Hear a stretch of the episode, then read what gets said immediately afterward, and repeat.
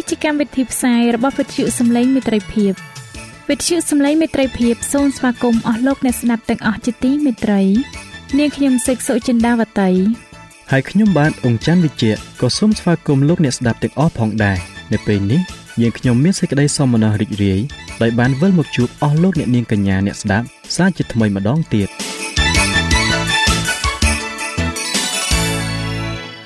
នាងខ្ញុំសេកសុចិន្តាវតី សូមជម្រាបជូនកម្មវិធីផ្សាយដែលមានជាបន្តបន្ទាប់ដូចតទៅនេតិជួបជាមួយព្រះបន្ទូលនេតិស្ពានជីវិត ចា៎លោកអ្នកស្ដាប់ជាទីមេត្រី នាងខ្ញុំសូមគោរពអញ្ជើញអស់លោកលោកស្រី អ្នកនាងកញ្ញាតាមដានស្ដាប់កម្មវិធីផ្សាយរបស់វិទ្យុយើងខ្ញុំដូចតទៅ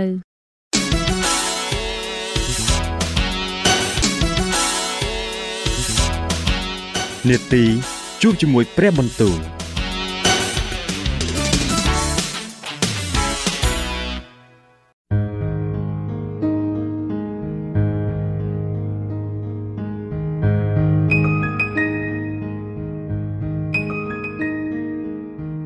ចា៎អស់លោកអ្នកស្ដាប់ជាទីមេត្រី ជាដំបូងនាងខ្ញុំសូមអញ្ជើញលោកអ្នកនាងស្ដាប់នេតិជួបជាមួយព្រះបន្ទូលនេតិនេះនឹងលើកយកព្រះបន្ទូល ពីព្រះគម្ពីរទំនុកដង្កើងដែលនឹងជម្រាបជូនដល់លោកអង្ចាន់វិជ្ជៈដូចតទៅ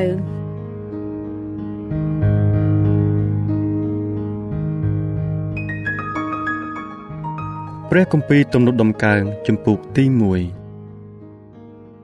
មានពរហើយអ្នកណាដែលមិនដើរតាមដំបូលមានរបស់មនុស្សអាក្រក់ក៏មិនឈរនៅក្នុងផ្លូវរបស់មនុស្សមានបាបឬអង្គុយនៅជាមួយនឹងពួកមនុស្សដែលមើងងាយ អ្នកនោះត្រេកអរតែនឹងក្រឹតវិន័យរបស់ព្រះយេហូវ៉ាវិញក៏រំពឹងគិតក្នុងក្រឹតវិន័យត្រង់ទាំងយប់ទាំងថ្ងៃដែរអ្នកនោះនឹងដូចជាដើមឈើដែលដុះនៅក្បែរផ្លូវទឹក ដែលបង្កើតផលតាមរដូវកាលហើយស្លឹកក៏មិនចេះស្រពោនឡើយឯការអ្វីដែលអ្នកនោះធ្វើនោះនឹងចម្រើនឡើងទាំងអស់ចំណែកមនុស្សអាក្រក់ក៏មិនដូច្នោះទេ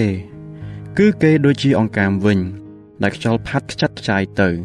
ដូច្នេះពួកមនុស្សអាក្រក់ នឹងមិនធន់នៅក្នុងគ្រាជំនុំជម្រះទេឯពួកមានបាបក៏ឈរនៅក្នុងជំនុំមនុស្សសុចរិតមិនបានដែរត្បិតព្រះយេហូវ៉ាទ្រង់ជ្រាបផ្លូវរបស់មនុស្សសុចរិតតែផ្លូវរបស់មនុស្សអាក្រក់នឹងវិនាសទៅវិញ។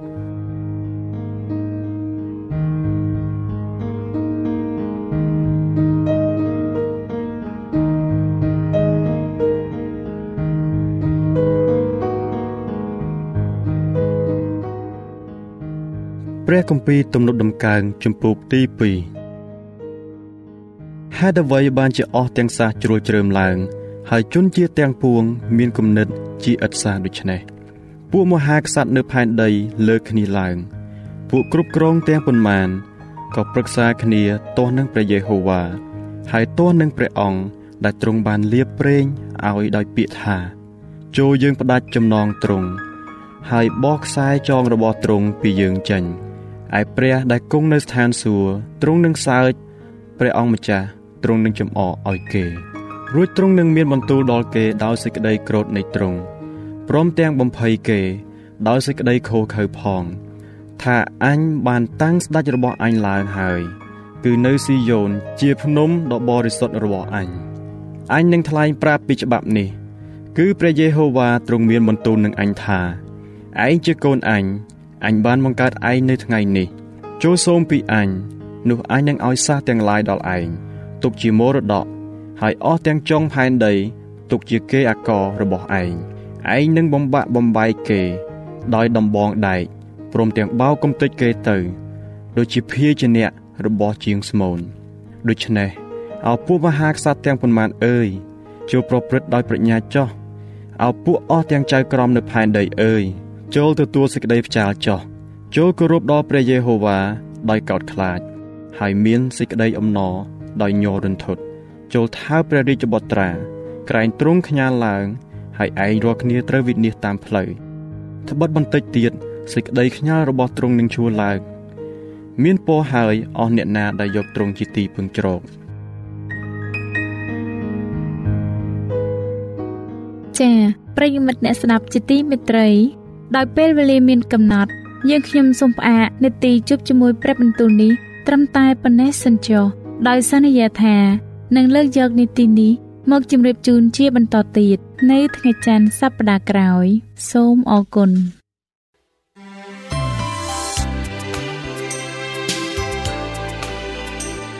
វិទ្យុសំឡេងមេត្រីភាព AWR ជាវិទ្យុដែលនាំមកពី ក្នុងការនាំព្រះរាជសាររបស់ព្រះជាម្ចាស់សម្រាប់លោកអ្នក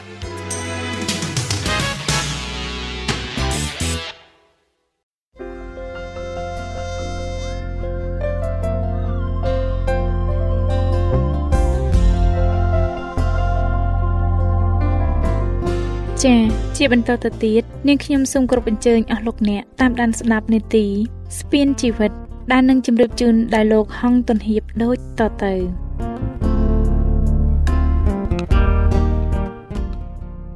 ខ្ញុំបាទសូមជម្រាបសួរអស់លោកអ្នកស្ដាប់ជាទីមេត្រី សូមឲ្យលោកអ្នកបានប្រកបដោយព្រះគុណនិងសេចក្តីសុខសាន្តអំពីព្រះវរបិតានៃយើង និងពីព្រះអង្គម្ចាស់យេស៊ូវគ្រីស្ទខ្ញុំបាទមានអំណរណាស់ដែលបានវិលមកជួបលោកអ្នកនាងសាជាថ្មី នៅក្នុងនីតិស្ពានជីវិតយើងនេះម្ដងទៀតបាទហើយនៅថ្ងៃនេះខ្ញុំបាទសូមលើកយកមេរៀនទី10ដែលនិយាយពីទំនាក់ទំនងជាមួយបងប្អូនដែលមិនមែនជឿព្រះ បាទតើយើងត្រូវមានទំនាក់ទំនងពិសេសយ៉ាងណា រវាងអ្នកជឿនិងអ្នកដែលមិនជឿព្រះដូច្នេះខ្ញុំបាទសូមគោរពអញ្ជើញលោកអ្នកនាងតាមដានស្ដាប់មេរៀនទី10នេះជាមួយនឹងខ្ញុំបាទដូចតទៅ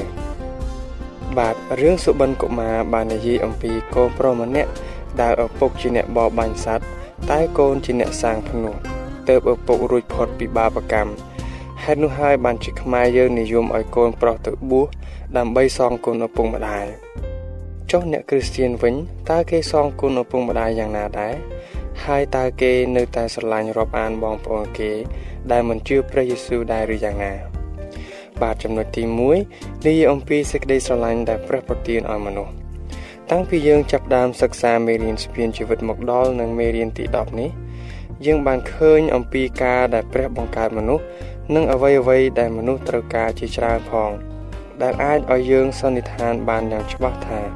ព្រះអង្គពិតជាស្រឡាញ់មនុស្សលោកមែននៅក្នុងក្រឹតវិន័យ10ប្រការដែលយើងនឹងរៀននៅក្នុងមេរៀនជាបន្តបន្ទាប់ខាងមុខទៀតនោះមានក្រឹតវិន័យមួយក្នុងចំណោមក្រឹតវិន័យទាំង10ដែលនិយាយថាចូលគោរពប្រតិបត្តិដល់ឪពុកម្ដាយឯងដើម្បីឲ្យបានអាយុវែងនៅក្នុងស្រុកនោះ នេះជាចំណុចមួយដែលធ្វើឲ្យលោកអ្នកដែលមានបងប្អូនជឿព្រះយេស៊ូវបានធូរស្រាលបន្តិចព្រោះដឹងថាពួកអ្នកជឿព្រះយេស៊ូវគេត្រូវតែគោរពឪពុកម្ដាយដែរដូចខ្មែរយើងតែងប្រដៅកូនចៅថា ធ្វើបុណ្យឲ្យម៉ែឪតន់បំពង់កនៅឈរបានសេចក្តីថា យើងត្រូវសងគុណគាត់តន់ភ្នែកគាត់នៅឃើញត្រូវជូនចំណីអាហារដល់គាត់ទាន់គាត់នៅដឹងឆ្ងាញ់គឺសងគុណគាត់ទាន់គាត់នៅរស់ មិនមែនមើលងាយគាត់ឬធ្វើឲ្យគាត់ពិបាកចិត្តហើយដល់ពេលគាត់ស្លាប់ទៅទើបខំរៀបចំសែនព្រេនបន់ស្រន់ឲ្យគាត់នោះឡើយព្រោះតាមព្រះគម្ពីរថា យើងមានជីវិតតែម្ដងនេះគត់ចុះជាមួយលោកអ្នកវិញតើពួកគ្រីស្ទានរាប់អានយ៉ាងណាដែរ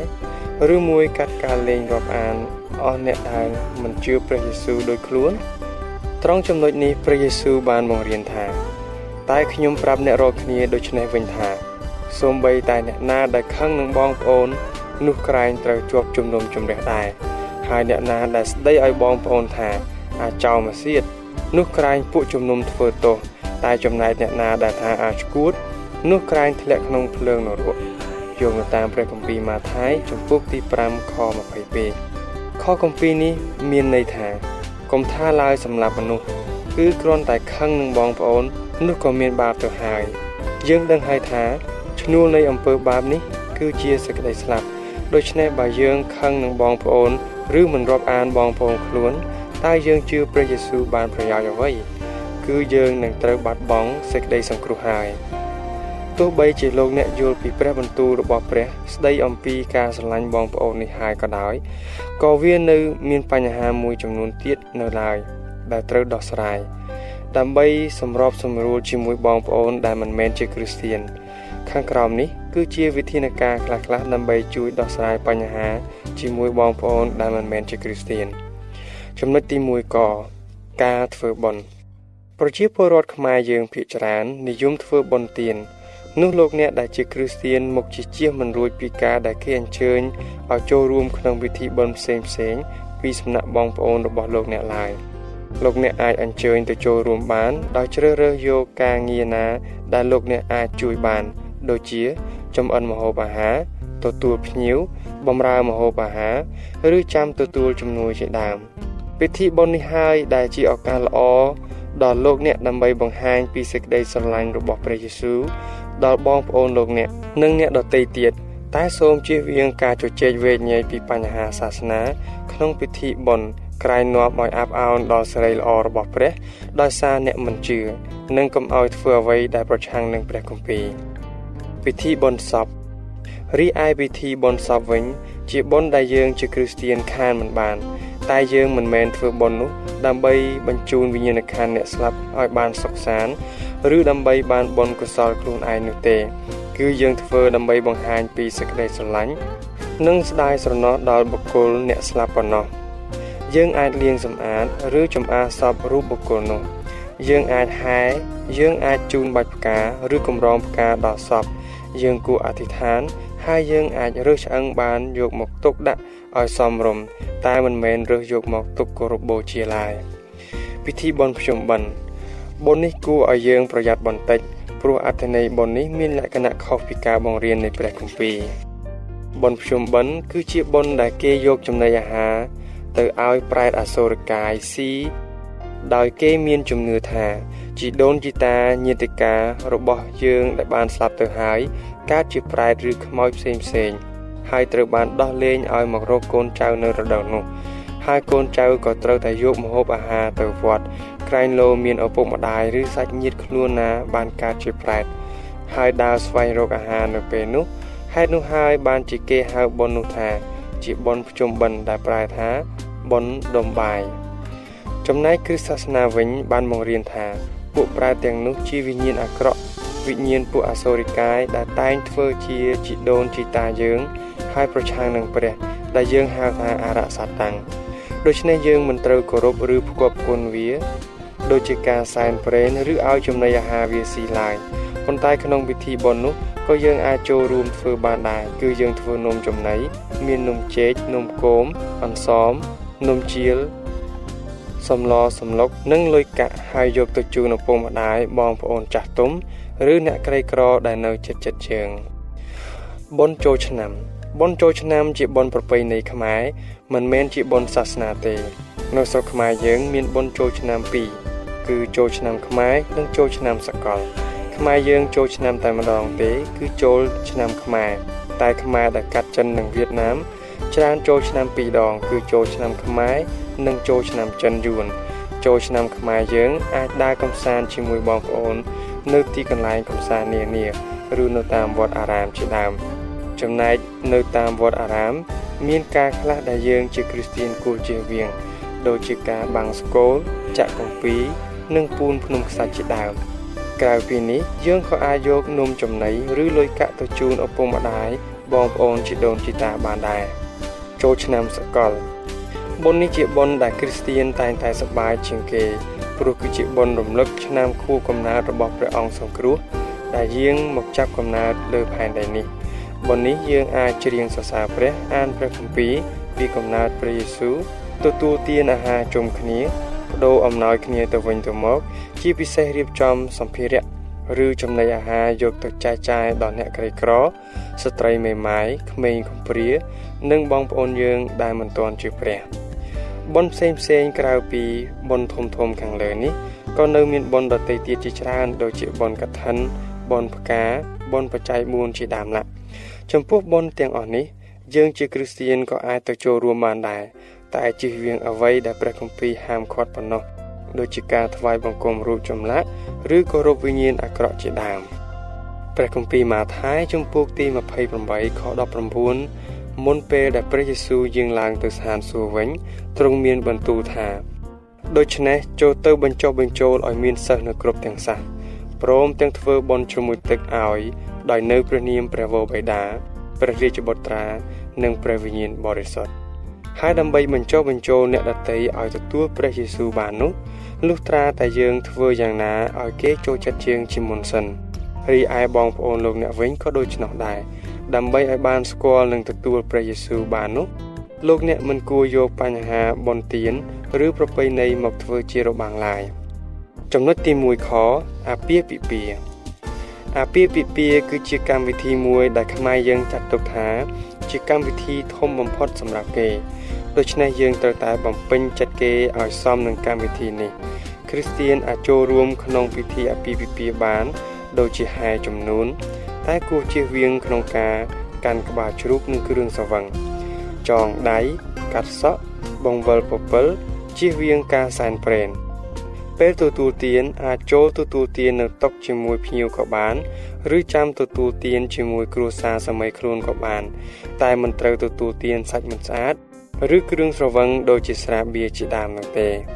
ការរៀបចំអាពាហ៍ពិពាហ៍ យើងជាគ្រីស្ទៀនបើមានកូនរៀបការគប្បីធ្វើឲ្យសមស្របទៅតាមប្រពៃណីខ្មែរហើយមិនប៉ះពាល់ដល់គោលលទ្ធិគ្រឹះសាសនាឡើយយើងអាចរៀបចំឲ្យមានពិធីហែកូនកំឡោះលាងជើង កាត់ខាន់ស្លា អញ្ជើញបងប្អូនសម័យខ្លួនឲ្យចងដៃដោយផ្ដល់កិត្តិយសជាដំបូងដល់គាត់ចំណែកម្ហូបអាហារក៏យើងអាចរៀបចំឲ្យបានសមរម្យតាមព្រះគម្ពីរបានណែនាំដែរបាទអរលោកអ្នកស្ដាប់ជាទីមេត្រី ពេលវេលានៃនីតិស្ពានជីវិតរបស់យើង បានមកដល់ទីបញ្ចប់ហើយខ្ញុំបាទនឹងវិលមកជួបលោកអ្នកនាងសាជាថ្មីម្ដងទៀតនៅក្នុងនីតិរបស់យើងលើកក្រោយដោយនឹងនាំយកនៅភាគទី2នៃមេរៀនដដែលនេះមកជូនលោកអ្នកស្ដាប់ជាបន្តទៀតបាទដូច្នេះសូមឲ្យព្រះជាម្ចាស់ប្រទានពរដល់អស់អ្នកបងប្អូនទាំងអស់គ្នា សម្រាប់ពេលនេះខ្ញុំបាទទុនហៀបសូមអរគុណនិងសូមជម្រាបលា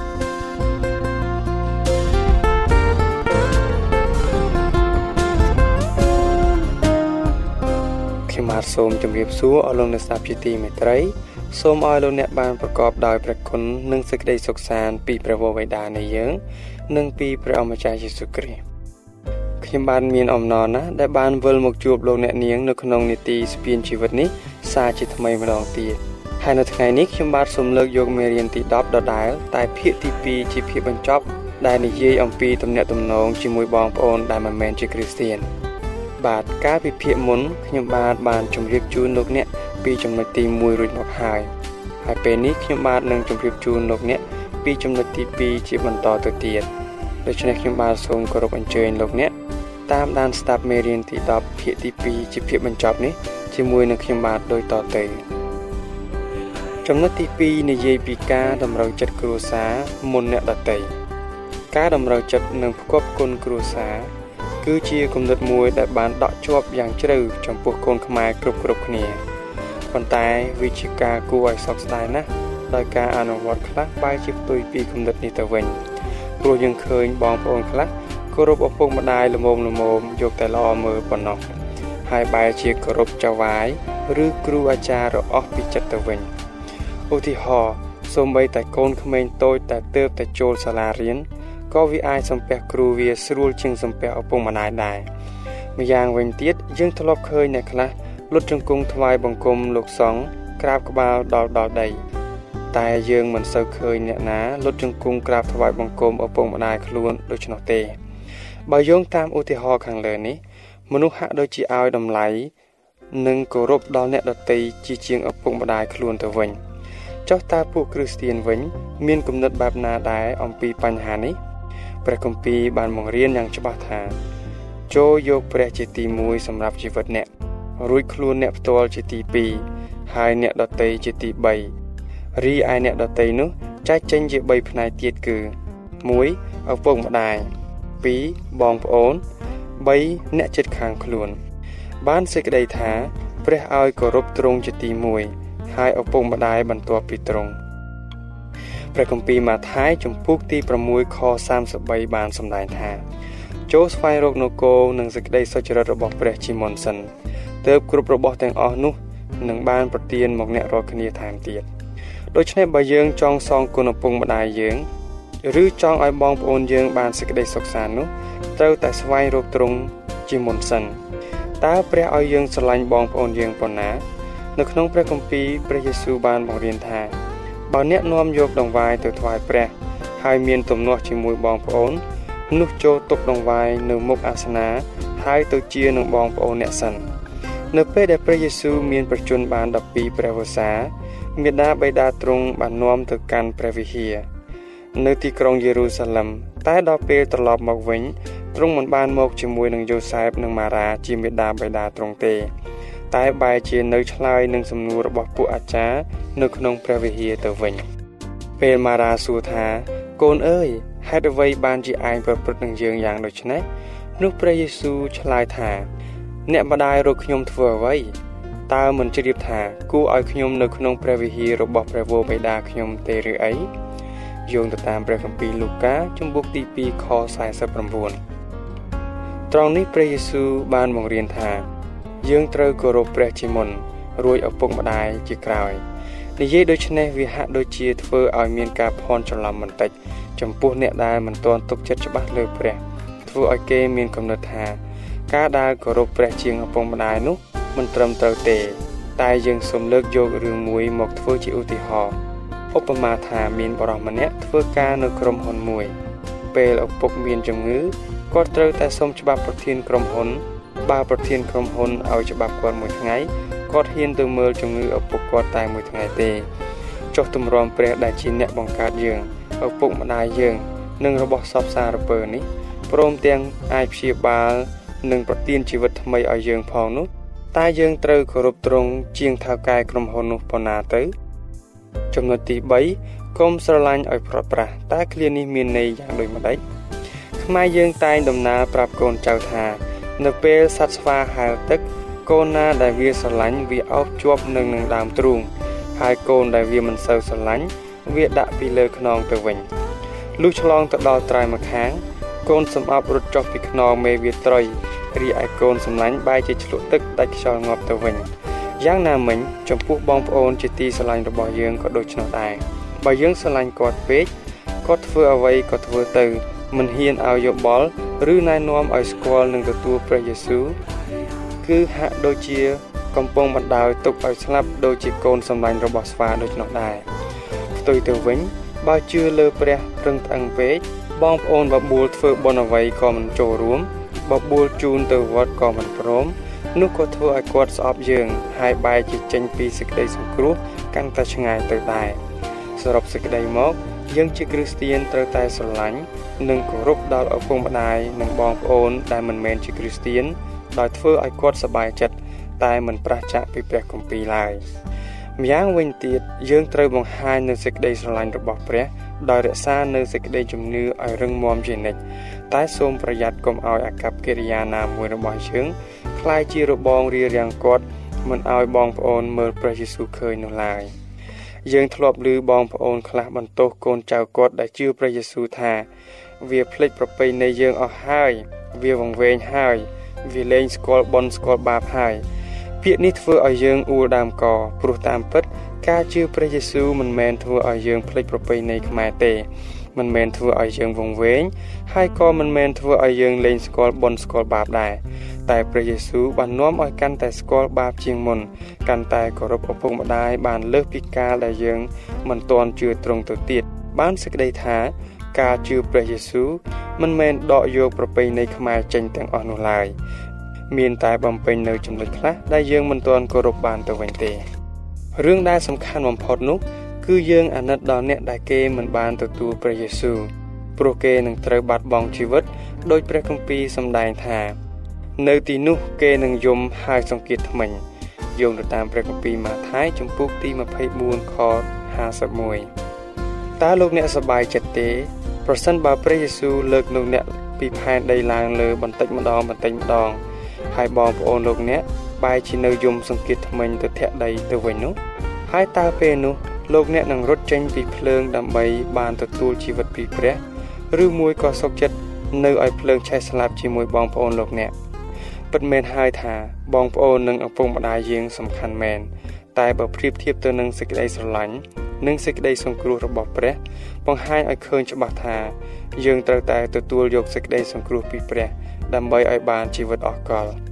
ប្រសិនបើមានស្ត្រីម្នាក់កំពុងចិញ្ជាត់ត្រីចង្វា ហើយមានត្រីរស់មួយនៅក្បែរខ្លួនគាត់តើគាត់មិនទុកត្រីចង្វាចោលហើយបែរមកចាប់ត្រីរស់ទេឬអីបងប្អូនអើយតើលោកអ្នកចង់ឲ្យបានជាទីគាប់ចិត្តដល់ឪពុកម្ដាយឬបងប្អូនលោកអ្នកដែរឬទេបើចង់លោកអ្នកត្រូវតែចេះសម្របសម្រួលចិត្តគាត់ដោយចូលរួមជាមួយគាត់ក្នុងកម្មវិធីផ្សេងផ្សេងដែលយើងបានរៀបរាប់មកខាងដើមនេះ តែសូមកុំភ្លេចនាំដំណឹងពីព្រះយេស៊ូវទៅប្រាប់ដល់គាត់ដើម្បីឲ្យគាត់បានទទួលជីវិតពីទ្រង់ផងនោះហើយជាការសងគុណនិងរាប់អានដល់ឪពុកម្ដាយនិងបងប្អូនរបស់លោកអ្នកបាទអរលោកអ្នកស្ដាប់ជាទីមេត្រីមុននឹងបញ្ចប់ខ្ញុំបាទសូមជូននៅសំណួរខ្លះសម្រាប់លោកអ្នកធ្វើការពិចារណាសំណួរទី1បើអ្នកជឿព្រះយេស៊ូវតើអ្នកនៅតែស្រឡាញ់ឪពុកម្ដាយនិងបងប្អូនរបស់លោកអ្នកដែរឬទេហេតុអ្វី សំណួរទី2ចូលពិពណ៌នាអំពីការចូលរួម ក្នុងពិធីបុណ្យទានរបស់គ្រីស្ទៀនសំណួរទី3បើអ្នកជាគ្រីស្ទៀនតើអ្នកត្រូវធ្វើយ៉ាងណា នៅពេលដែលទៅចូលរួមក្នុងកម្មវិធីរៀបការរបស់អ្នកដទៃហើយតើត្រូវធ្វើយ៉ាងណា ក្នុងពិធីរៀបការរបស់ខ្លួនឯងឬកូនចៅរបស់ខ្លួនឯងផ្ទាល់សំណួរទី4បើអ្នកស្រឡាញ់បងប្អូនអ្នកតើអ្នកត្រូវធ្វើយ៉ាងណាខ្លះ បាទអរលោកអ្នកស្ដាប់ជាទីមេត្រី ពេលវេលានៃនីតិស្ពានជីវិតរបស់យើង បានមកដល់ទីបញ្ចប់ហើយមេរៀនស្ពានជីវិតជំពូកទី10ដែលនិយាយពីទំនាក់ទំនងជាមួយបងប្អូនដែលមិនមែនជាគ្រីស្ទាននេះក៏សន្មត់ថាចប់ដោយបរិបូរណ៍ហើយដែរហើយខ្ញុំបាទនឹងវិលមកជួបលោកអ្នកនាងសាជាថ្មីម្ដងទៀតនៅក្នុងនីតិរបស់យើងលើកក្រោយដោយនឹងនាំមកនៅជំពូកទី11មកជូនលោកអ្នកនាងស្ដាប់ជាបន្តទៅទៀត បាទដូច្នេះសូមឲ្យព្រះជាម្ចាស់ប្រទានពរដល់អស់លោកអ្នកបងប្អូនទាំងអស់គ្នា សម្រាប់ពេលនេះខ្ញុំបាទសូមអរគុណនិងសូមជម្រាបលា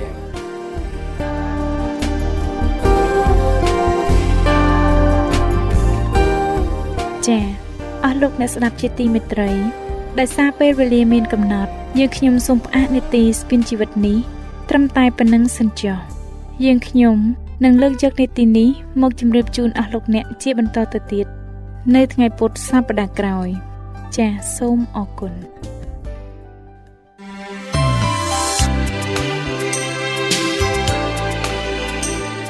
វិទ្យុសំឡេងមេត្រីភាព AWR